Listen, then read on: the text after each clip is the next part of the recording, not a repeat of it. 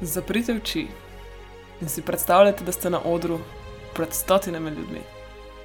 Tukaj ste, da poveste nekaj svojega. Kaj pa zdaj? Ali se zgrabila panika? Ali imate to? Ste pripravljeni na izziv? Dobrodošli in dobrodošli v podkastu Pot je cilj, kjer danes govorimo o javnem nastopanju in kaj za vraga počnete na odru. Kaj boste povedali? Kaj sploh hočete povedati? A imate karkoli na svojem jeziku ali ste ostali popolnoma brez besed? Danes smo tukaj, da to vam pomaga vas spremeniti. Wow, kakšno vod, kakšna moč je znati stopiti pred ljudi in dejansko nastopati, znati povedati, znati predati svoje sporočilo. In velikrat tega nismo naučeni. Ne samo to, velikrat celo življenje živimo v strahu, sploh kaj povedati pred parimi ljudmi, kaj šele pred množico. Vstati na sestanku in poročati o tvojem tednu, uh, povedati seminarsko nalogo na faksu, govoriti pred večjo skupino prijateljev. Recimo. Že to nam je velikrat problem. Veliko nas živi v tem strahu in v sramu, ki je povezan z javnim nastopanjem. In danes smo mi tukaj, da vam pokažemo, kako lahko ta strah in sram spremenimo v svoj prid. Dragi moji, drage moje, pa kar pojdimo na glasbo.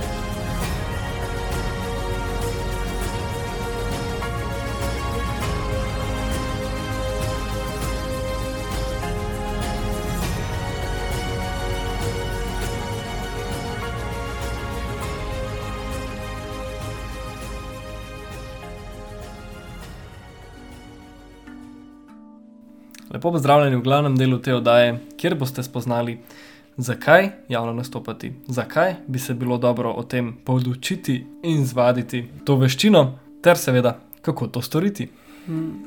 No, pa začnemo na začetku. Zakaj bi se sploh nekdo želel naučiti javno nastopati? Uh, zdaj to je dobro vprašanje, ker marsikdo bo rekel: Jaz pa nisem javni govorec, jaz tega ne delam, se pravi, mene to sploh ne zanima. Ampak, mi da te hočemo prepričati drugače. Ker pravzaprav v vsakem dnevu se veliko znajdemo v situaciji, ki je kot tako mikro javno nastopanje in že takrat nam to pride prav. Kaj ste mislili? Recimo, ko na avtobusu hočeš nekomu nekaj reči, pa ti je nerodno, pa si raš kar tiho, ko da nekomu kaj rečeš. Ko moraš na sestanku kaj povedati pred skupino svojih ljudi, pa kaj čutiš, kako se ti malo dvigne puls. Ali pa najljubši primeri, ko ko v krogu vsak pove svoje ime in potem, ko se krog približuje do tebe, postaneš kar živčen, ker on naj kaj če pozabi svoje ime v tem trenutku, o moj bog, kaj se bo zgodilo. A pa še bolj pomembne stvari, kaj če moraš svojemu šefu, svojemu sodelavcu, svojim prijateljem predstaviti neko novo idejo, svojim strankam, jih povabiti na nekaj. Predstavljaj si, da znaš tako dobro govoriti, da jih lahko prepričaš, da jim lahko res pokažeš, kako je tvoja ideja fantastična. Javno nastopanje ni manipulacija. Ampak ni pa prav daleč od tega. Zato, ker ne glede na to, kaj poveš, dokler v ljudeh nekaj premakneš, dosežeš veliko. Zdaj, če pogledamo zgodovinsko, Hitler je, imel, je bil odličen govorec, ampak z idejami, ki so bile zelo destruktivne za to človeštvo. Sto let in stoletja potem bomo še mi občutili posledice. Ampak moramo pa priznati, da je dober govorec. Lahko je cel narod, ne, več kot narod, vse, ki so se povezali s tem narodom na tem svetu, premaknil, da so se povezali z neko idejo, ki je verjetno tudi takrat se zdela povsem nora, ampak jo je znal tako dobro predstaviti, da so vsi bili za tem. Poznamo tudi marsikega govorca skozi zgodovino ali pa v sedanjem momentu, ki pa veliko dobrega širi. In s tem, kako dobro nastopa, ljudje lahko to sporočilo slišijo, ga lahko razumejo in tudi uporabijo. In Zato je dobro govoriti. Kot je ima rekla, mogoče boste svojega partnerja prepričali, kam iti na dopust in boste šli točno tja, kamor hočete videti, ali pa boste zagovarjali, ker komat zdati v avtu in ga boste lahko poslušali. To je super.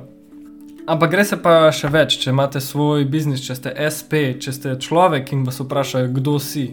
Ali pa ena na ena v pogovoru. Kako različno se počutiš z nekom, ki ti zna odgovoriti odgovor na vprašanje, kdo si, z drugim kot številko svojih let in pa mm. podjetja, v katerem so zaposleni. Kako bolj se povežeš s tem človekom, kako bolj mu verjameš, kako bolj si dovzeten za to povezavo. Ne, tako zelo hitro se ustvari ta povezava in povezava je osnova česar koli.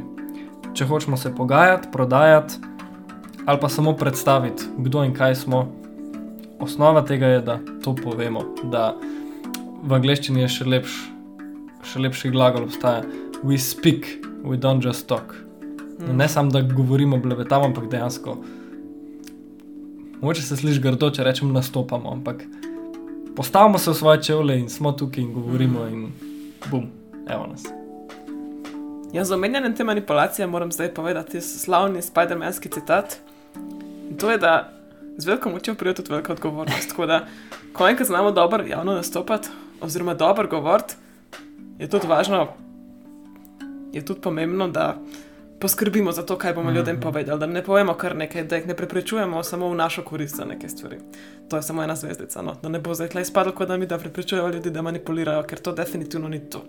Mi da preprečujemo ljudi, da stopijo svoje čevlje in da uspejo živeti sebe in to prek javnega nastopanja, prek postavljanja svoje čevlje, pokazati svetu. Mm. Zadnjič sem videl eno odlično definicijo vodje.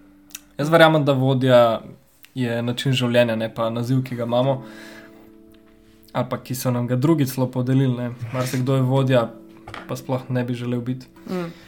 Ali pa ni sposoben za to, kar je marsikdaj. Ampak približno edina naloga vodje je, da ljudi ki delajo skupaj, prepriča, da je cilj, za katerega delajo, vreden in zelo mm. pomemben. Da vsi skupaj stopijo za neke vrednote, da se postavijo za to, kar stojijo in sodelujejo. Ne tekmujejo, ampak so skupaj v tem čovnu. In zdaj, verjetno ste imeli šefe v svojem življenju, verjetno ste že imeli situacije, kjer ste bili nekako del organizacije. Kakšna je razlika, če imaš dobrega šefa, pa slabega šefa? Ali pa čist konkretno o, o tem. Kakšen je tisti šef, ki pride gor, ki tako medlo govori, ko še kaj razume, nikoli ne, noben ga ne pokliče na še kolo, tako zelo ni navdihujoč, muka vam je vsakeč sproti. Dobro, da ste vse te. Ali pa po drugi strani nekoga, ki pride na sestanek, ki vas napumpa, ki vas spodbuja, ki sprašuje, ki ima veščine govorstva. Dejansko, ki je dovolj veš v tem pač nastopanju, sej ni to nič slabega nastopati. Jaz bi to še en korak dlje odpeljala. Včasih imamo odlične šefe, krasne po srcu, krasne v idejah, v prepričanjih, ampak ne znajo tega predati drugim, ker ne mm. znajo nastopati, ne znajo mm. predati te strasti in jo pokazati in razdeliti te vrednote med vse svoje člane ekipe. Mm -hmm. Tako da lahko si ti pravzaprav odlična oseba z neverjetnimi dosežki in neverjetnim znanjem. Pa če tega ne znaš predati, je pravzaprav isto, kot da nimaš tega znanja. Mm -hmm. Tako da že iz tega vidika je absolutno pomembno znati to predajati. Zato mi ne uporabljam besedo nastopanje. To pa si lahko pač interpretiramo na marsikater način. Ne? Govor, javno nastopanje, um, lahko je tudi vem, intervjuje, pisanje, karkoli. Samo da znaš na nek način predati to, kar v tebi je, da znaš spregovoriti. Ampak si rečete, whatever. Kaj bo pa drugače, če bom znal govoriti? Ne vem, povem. Vse. Javno nastopanje, govorjenje je taka stvar, ki kot velik stvar v življenju trajajo, da se jih naučimo. Moramo nekaj vložiti. Ne greš na en tečajček, pa naslednji dan že znaš to delati. Ne. To je treba negovati in vaditi. In hvala Bogu, v tem življenju imamo veliko dni dejansko priložnost to vaditi na kakšnih področjih. Tako da, kaj vam lahko da to znanje?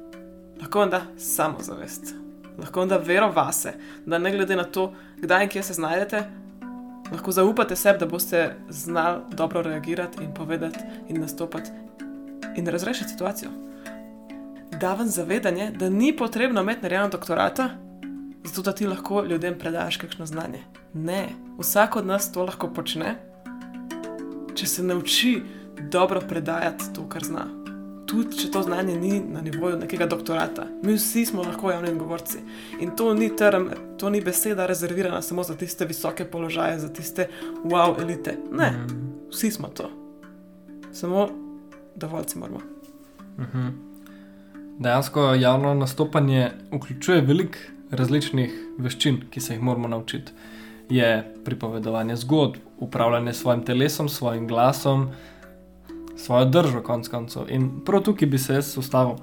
Ko začnemo spremenjati sebe kot, govorca, kot nekoga, ki se pojavi pred občinstvom, se velikokrat ukvarjamo tudi s svojo držo, s svojimi kretnami, s svojim pogledom, in to se pa potem prenese v resnično življenje. Mm. Ker se v bistvu ne skrivamo več pred pogledi, ne skrivamo se več pred takrat, ko moramo nekaj povedati v intimnih zvezah, recimo za zaprtimi vrati. Že samo s tem, ko smo navajeni na odru se postaviti, se lahko tudi v vsakdanjem po življenju postavimo in tudi jaz vidim čist pri sebi, zato ker se na odru gledam, vidim in izboljšujem, se tudi v vsakdanjem življenju drugače držim, drugače govorim, drugače gledam ljudi in imam čist drugačne interakcije.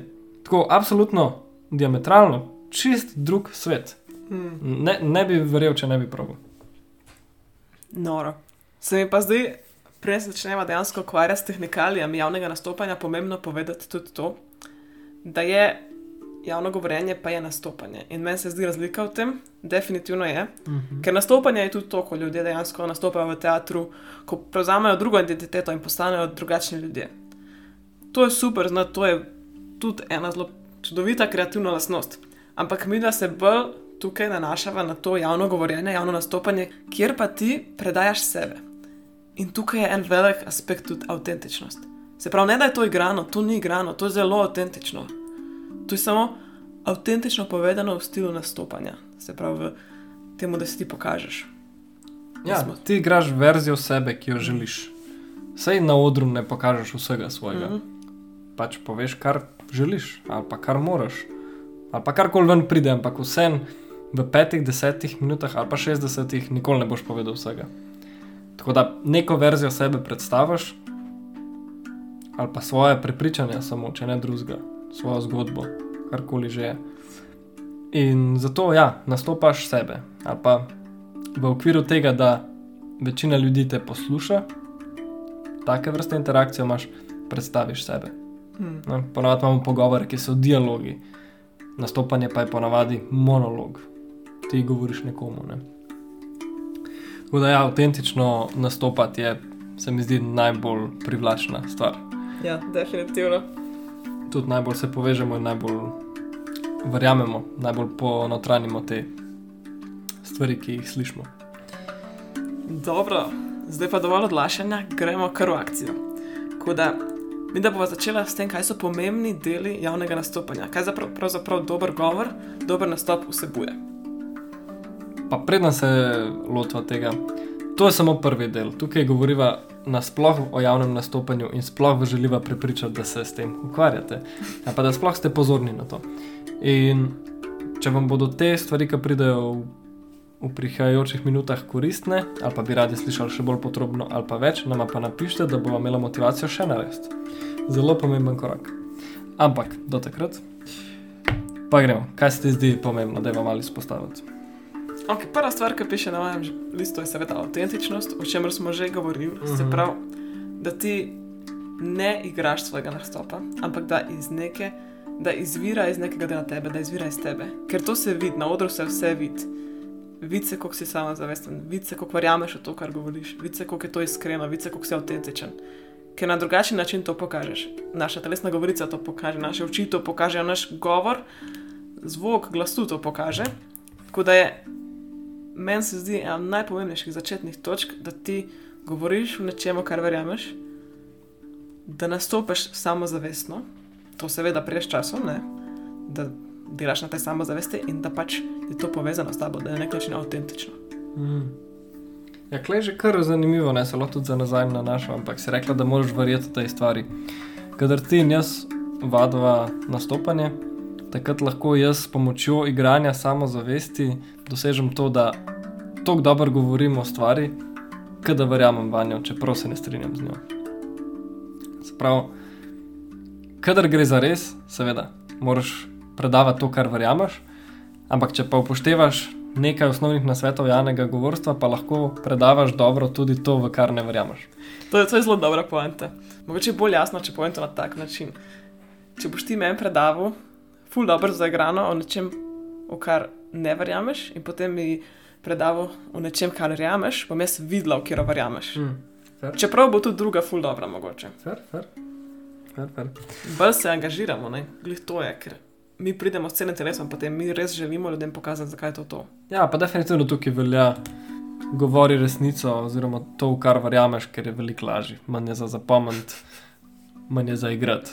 Dejansko, če smo avtentični, potem pridemo govoriti svojo resnico. Gor. Ok, zdaj na tem mestu bi jaz rekel tako. Največja stvar pri javnem nastopanju je strah pred njim.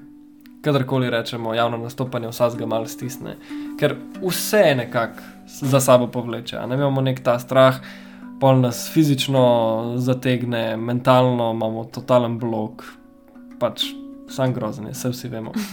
Vse smo naredili na začetku to vaja.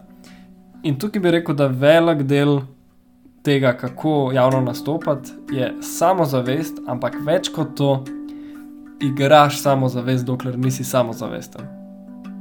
Se pravi, jaz ti lahko povem, kako biti samozavesten.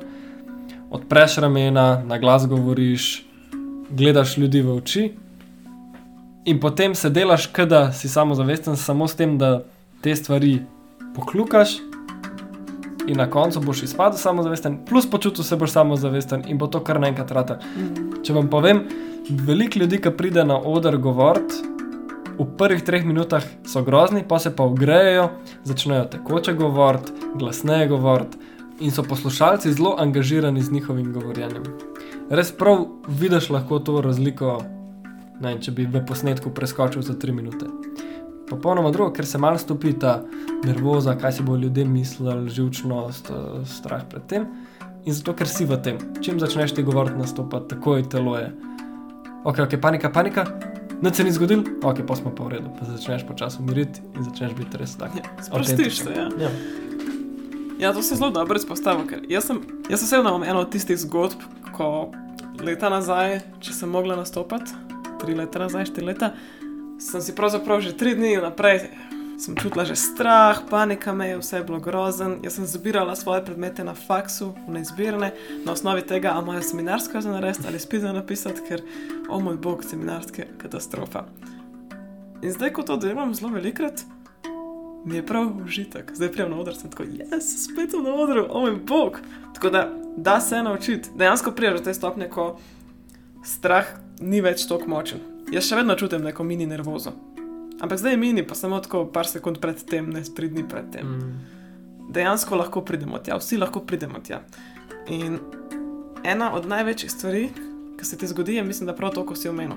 Da večkrat, ko to delaš, bolj ugotoviš, da pravzaprav ne glede na to, koliko se osramotiš, ker to nas je strah, ne če se nas je strah, Mhm. da bomo se osramotili, da bomo kaj neumega rekli, da ne bomo rekli nič, da bo šlo vse narobe. Da ne glede na to, koliko se osramotimo, še vedno nas imajo ljudje radi, še vedno nismo izgubili prijatelje, še vedno je vse v redu. Pač lahko gremo naprej. Včasih kakšna situacija je malo na slabšem, zato ker smo slabo nastopili, ne dobimo kakšnega posla, ne dobimo kakšne stvari, ki smo si jo zelo želeli. Ampak še vedno pa lahko še enkrat probamo, ni konc sveta. Tudi če imamo grozne izkušnje s tem. Mm. Bilo zanimivo ti bom nekaj prenesel pokazati temu. No, da je. Zdaj sem zasledil en, sicer ni moja najljubša stvar, ampak je pa kar kul. En tipo, ki je tabeliral veščine, ki se odražajo v našem javnem nastopanju in jih je najdel 110. Neč tazga, samo vse je opisan, pač od tega, kakšne so naše obrvi do pulza, kako na glas govorimo, kakšen, kateri jezik uporabljamo, ne samo kakšen. V glavnem, od vseh teh 110 veščin so vse tako ali drugače uporabne v našem življenju, in vsako od njih, s tem, ko prideš gor na oder, vsakeč sproti, ali pa ko začneš govoriti, vadiš. To pomeni en zelo hiter način, kako lahko napredujemo v našem osebnem življenju. Glede na to, da poslušate ta podcast, vam je verjetno to, kar pomembno je, da se damo v situacijo, kjer je res veliko teh stvari prisotnih. In zakaj ne bi bilo to javno nastopanje, zakaj ne bi bilo to govorjenje? Če vas kliče, potem je to stvar, ki jo morate narediti. Ok, zdaj pa malo manj metafizične vode. Kaj še potrebujemo za dobro javno nastopanje? Ena najpomembnejših stvari je naša telesna govorica. In super je, da na to lahko vplivamo. Zdaj, kaj so lastnosti dobrega govorca? To je vprašanje za vas. Mislim, da se vsi lahko zamislimo vsaj nekaj dobrih lastnosti nekoga, ki dobro nastopa. Sprav, neka zravnana, odprta držba, neko korakanje okoli občasno, delovanje z rokami, dober pogled v oči. Pa spet odvisno, ne? Vsak ima svojo definicijo, pa tudi jaz sem videl že govorce, ki skačejo okoli, pa ki so Ja. ja. čist na mir, ali pa za mizo sedijo, pa so isto full dobri govori. Se mi zdi pa, da tudi, če sedijo na mir, mislim, če sedijo na mestu, še vedno vidiš, kako so oni z rokami angažirani. Ja, definitivno, definitivno. Vedno je en del telesa tako zelo angažiran, ker to pokaže, kako zelo v bistvu je nam pomembno to, kar govorimo, mm. -hmm. in kako zelo naše telo podpira naše besede. In mi rabimo, da naše telo podpira naše besede, zato da možgani ljudi, ki nas gledajo, vidijo, da je sinhrono, ne? da je v harmoniji, da je to, kar mi povemo, v harmoniji s tem, kar mi pokažemo. Mhm. Seveda tukaj pride potem tudi upravljanje svojega glasu, jezik, ki ga uporabljamo, mm. odvisno od naše publike, tudi uporabljamo drugačne besede, drugačne izraze. Če govorimo z otroki, je dr zelo drugače, kot če govorimo z odrasli ali, odraslimi ali pa nekimi tinejdžerji. Ne? Vsak ima svoj način, kako jim približamo stvar, ki jo želimo približati. Tako da tukaj se gre samo za to, da smo vešči v spreminjanju našega nastopa, no, vse čistko. Ne, da prilagodimo poslušalcu to, kar hočemo povedati, da smo fleksibilni. Ampak iskreno, to se naučiš samo z vajo. In največji nasvet, ki ga lahko danes dava, je, če vas to pač kliče in želite probati, je, da dejansko probate. Ker lahko se vsega naučiš doma pred ogledalom, ker stopaš na oder, je vse to šlo skozi okno. Nič od tega ni ostalo. Lahko ti cel govor zvadaš, pa na koncu ga itek ne boš povedal tako. Karkoli boš rekel tam gor, kot prvo itek se ne spomniš, ker je pač panika v telesu. in drugo, na koncu boš povedal po svoje in to je v redu. To je čisto v redu, ampak ne moreš tega početi, če ne začneš, če ne probaš. Zato moj nasvet je samo, naredite čim večkrat. Čim Ja, se res, vse drugega ni. Dobro, ampak če ostanemo še malo pri telesni govorici in glasu in vsem, kaj se tebi zdi tle najbolj pomembno? Ja, no, vse ti pravim. Tako kot sem prej omenil, to, da se pretvarjamo, da smo samozavestni. Predstavljajte si samozavestnega človeka in to naredite. Zdaj, ena stvar je, so seveda power postures. Kako se mi postavimo, preden gremo na oder. Ne? Lahko smo v tisti superman pozi, superwoman, odprte roke, pogled na vzgor. Uh, prsa so ven izbočena in tako, da smo res warrior, res smo bojevniki, ki gremo ven. In dejansko telo se odzove na to pozicijo. Že dve minuti v tej poziciji ti da 100-odstotni boost v tem, kar pač želiš. Ne? Vse ne vem, točno molekularno, kako gre, ampak nima niti veze. Glavno, to se lahko proba, vidite, kako se počuti. Recimo pred sestankom, pred intervjujem, greš na WC, se postaviš pred, pred ogledalo, držiš dve minuti power pause in potem si dejansko hormonsko pripravljen, da greš nastopati. In ne samo to, da se potem od tega veceja sprehodiš do tja, pokončno, z odprtimi To, prsti. kar pride, ja. To je, da ti ostaneš v tej drži. To je ta samozavestna drža, ki potem kar seva iz tebe, samozavest in moč. Tako. Tako to je ena, kar se tiče iti na oder, meni najbolj pomaga ta stavek, da si rečem, nima veze. pač nima veze.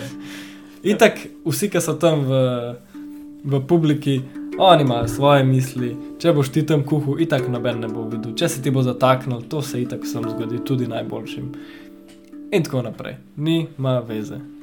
Če boš dober, bodo ljudje čutili, če boš slabo rekel, da dobro se je potrudil, super.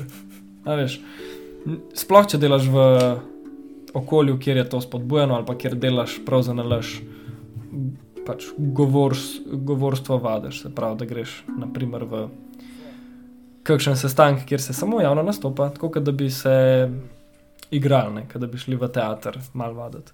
Tako da to se čez da in tam pa sploh je okolje popolnoma varno. Kaj sem še hočel, hotel omeniti? Kadar si gor na odru, je ful zabavno, recimo, če te je strah gledati ljudi v oči, gledaš tik nad njihovimi glavami. gledaš nekam udaljavo, govoriš sam sebi, da si doma pred ogledalom, tako kot si vadil, vadla in, gledaš tja nekam. Delač in folk si misli, da se on ga za mano gleda v oči. Sam, ne vejo oni, da teh oči sploh ni. Pa še pri, ko si pri pogledu v oči, v bistvu je pomembno, da zadržimo nekaj sekund na osebi, da ne gremo uh Mhm. -huh. na eni osebi, da ne gremo kar tako uči to osebo, uči to osebo, uči to osebo, uči to osebo, ker potem imaš živčno vse skupaj uh -huh. in Mhm. imaš zbegano, ampak da res dve sekunde gledaš to osebo, potem naslednjo štiri sekunde, pa uh Mhm. -huh. sekunde, tako uh -huh. da Mhm. res zadržimo pogled na nekomu. Uh -huh. Da ne hitimo. Uh-huh. Ja, pa jaz bi tudi rekel, govori glasneje, kot to ponavadi počneš. Definitivno. Se pravi, to spet, um, mogoče v slovenščini rečemo, da projiciraš svoj glas, da ga nese. Tako kot da si v, na vrhu gore, ne, ali pa v eni dolini in rečeš, juhu, Juhu, A rečeš, juhu. ju. Ne morem se dreti v mikrofon, ker ne slišim. Ampak drugače se zaderemo. Takrat, ko hočemo, da glas nese, uporabimo svoje pljuča, uporabimo svoj trebuh, uporabimo celo svoje telo. Medtem ko takrat, ko govorimo, govorimo samo iz glasilk, pa iz ust mogoče. In to je zelo drugačen zvok, zelo drugačen se sliši in zelo, zelo drugače se občuti. Ker, pazi to, se tudi na tvojem telesu pozna. Če ti mm. govoriš z celim svojim telesom, dejansko je telo v tisti samozavestni drži, tako odprto, ker mora biti, da projicira zvok, se mora odpreti. In je, ful, z roko v roki gre, no, tak dvojni trik. Ja, definitivno, ker tudi ko nas je sram, ko povemo nekaj, kar nočemo povedati, ko nam je pač vse čudno, bomo seveda govorili bolj tako kot ene miškice. Mm -hmm. Takrat pa, ko govorimo nekaj, kar smo res navdušeni, kar nam je res pomembno, bomo pa čisto odprti in bomo čisto navdušeni in glasneje bomo govorili. In to se pozna. In to je spet lahko tak fiziološki trik, ko ti začneš govoriti glasneje namerno, pa pa tvoja celo si misli, a ja. No, če pa govorimo glasno, to je pa prav kul, cool, pa se Mhm. potem lažje odpre. Mm -hmm. Ja, pa mogoče še čist, kar se tiče našega telesa, odprte roke, odprte noge, čim manj se guncati, pa samo stati, kaj, kaj da ste zabiti noter, kaj ste zašraufani, to je prva pozicija, ki je dobra. To je meni všeč, jaz, ko si rekel, kaj ti narediš, ko greš na oder. Kaj jaz naredim, ko grem na oder? Jaz se fuzravnano sprehodim do odra, da vsi vidimo rit, pa se pa obrnem, pa se prizemljim najprej. Tako noge malo bolj narazen, kot normalno, pa tako korenine v tla poženem, tako po občutku. Ne? Mm. In potem iztleš tartam, ker nekako si prizemljen, se zelo počutiš, ko povezan s tem, ok, imam stabilnost, imam moč, no zdaj pa lahko začnem. Tako. Ampak to ne pomeni, da se ne premikaš v govoru. Premikanje je eno najboljših načinov, da v bistvu angažiraš publiko. Tudi. To, Ja, sem mogoče tole v prvem podkastu niti ni za omenjati. ker- ja, ampak da ne bo se zdaj kdo mislil, da, Ja, ja, da, ja, no, da stojiš na mer. Seveda. Ja, ampak to sva opazila pri sebi in drugih, da zavestno premikanje, počasno in hitro, ampak točno takrat, ko ti to hočeš, je zelo velika umetnost. Mm. Pa nočem spodbijati nikakršnega talenta, ki ga skrivate v sebi, verjamem v vas. Sam tako, mogoče ni prva stvar, s čimer se moramo ukvarjati. Je pa definitivno zapustiti na veliko zvezdico tam, ker naredi veliko razliko. Ok, no zdaj, ko smo obdelali telo in vse možne stvari glede tega, Okay. lahko gremo na sam govor. Kaj sploh povedati, oziroma ko vemo, kaj kako povedati. Povemo lahko na sto načinov. Lahko naredimo humorističen govor, lahko samo predstavimo dejstva, Mhm. lahko povemo preko zgodbe, lahko naredimo neko predstavitev dejansko, zadaj še z nekim plakatom ali kar, kar mislim, s PowerPointom ponovadi, kar nam pač paše.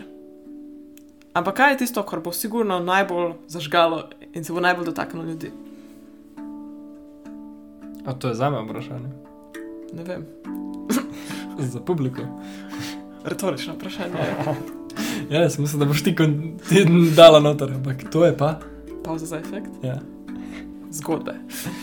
Ja, definitivno zgodbe, kakršne koli. Lahko so to neke raziskave, zgodbe enega človeka ali pa še najbolj enostavno in najmočnejše vaše zgodbe iz vašega življenja, kaj se vam je zgodilo in kako je bilo to relevantno za vas.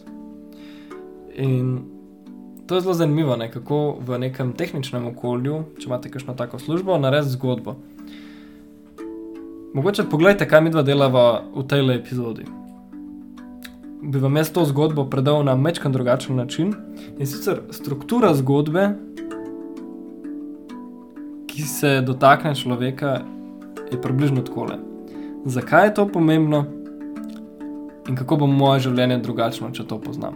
Hmm. In tukaj noter veliko zgodb pride zelo naravno. Prav, zakaj je to zate pomembno? In ti povem eno situacijo, kjer se te dotakne, boš poslušal, boš poslušala, zato ker točno to, točno to, to je moja zgodba. Ne? In po drugi strani, kako bo spremenil tvoje življenje, je spet zgodba. Zgodba o tem, kaj je lahko, zgodba o tem, kaj je nekdo že naredil, zgodba, ki nas potegne. Govorimo o resničnih ljudeh z resnični, resničnimi življenji in resničnimi posledicami, ki jih je imelo to, o čemer govorimo na njihovo življenje. In to je moj naj, najbolj enostaven nasvet za zgodbe. Zakaj so pomembne, pa kaj se zgodi. Valjda, potem damo pa noter zgodbe naših mačk, pa naših otrok, pa enega človeka, ki se je ponesrečil, pa enega, ki je preživel. Ampak zgodbe pridejo no, v vseh odtenkih in barvah in res uporabite to, kar vam pride najbolj naravno, ampak ne se, ne se jih ostrašiti. Ljudje, ljudem se nam povečajo zenice, ko slišimo zgodbo. Pozornost je samo tam, kaj pa zdaj, kaj pa zdaj. In tudi ne se ustrašiti, ker zgodba ne pomeni, da moramo mi narediti eno tisto pravljico za otroke. Uh Mhm. -huh. Ali pa ne rabimo narediti neko tako hollywoodsko reprezentacijo te situacije, ker včasih uh -huh. pač dejansko predstavljamo neke fakte, neka dejstva. Uh -huh. In tudi ta dejstva lahko spremenimo v zgodbo. Ne rabimo celo niti človeka, nekega dotičnega, upeljati, ampak lahko naredimo zgodbo okoli tega, da postane bolj angažirano za ljudi to. Mislim, da ljudje lahko postanejo bolj angažirani glede tega. In kaj s tem mislim? Tudi že dajanje primerov, in primeri so večinoma take mini, uh Mhm. -huh. uloški mini zgodb, uh -huh. že dajanje primerov toliko bolj poveča zanimivost našega govora. Da primeri dajo neko razumevanje globe, kaj se dogaja, dajo te zgodbe dejanskih ljudi, dejanske situacije, s katerimi se ljudje lahko povežejo. Lahko pa celo stvar zapakiramo v zgodbo, v eno dolgo, od A do Ž zgodbo. Ne. To je toliko velik načinov in ne se omejiti z idejo, da je zgodba samo tisto, imamo nekoga zlobnega, nekoga dobrega in pol ta dober ubija tistega zlobnega in vsi smo živeli srečno. Uh -huh. Tako. Okidoki. Definitivno verjamem, da imamo mi dva še veliko zapovedati, ampak se niti ne bi ostalo toliko na tem dodatnem govorjenju, ker že to, kar sem povedala, mislim, da če še niste se nikoli seznanili z govorništvom, si lahko sam še enkrat zavrtite tole. Ali pa kjerkoli od teh stvari, ki se vas je najbolj dotaknila, malo razmislite o njej, jo poskuste, mogoče celo za nalaž stopite na oder zaradi tega. Cool. Zaključila pa bova s par nasveti, s par malimi tipsi in triki, kako lahko nek nastop, neko govorstvo naredimo še bolj zanimivo in lažje za nas. Okay. Ja, Prav. Zvedeno. Okay. Ena ful dobra stvar je, da vključimo publiko. Da včasih s kakšnim vprašanjem povabimo njih, da nam oni kaj odgovorijo. Da jih nekako povabimo, da so res tam prisotni s pozornostjo. Še posebej, če vidimo, da kdo odplava z mislimi, kdaj pa kdaj. Povabiš, vprašaš kakšno vprašanje, lahko je to čisto retorično. Ampak in potem daš pikico tišine, samo da se vsi malo zamislijo. Se pravi, dejansko vključevanje publike. Eden najpomembnejših nasvetov pa je tišina. Velik rajš kot to, da rečete um, ali pa pač, ali pa vse veš, mislim, karkoli od tega, je da sam nič ne rečete.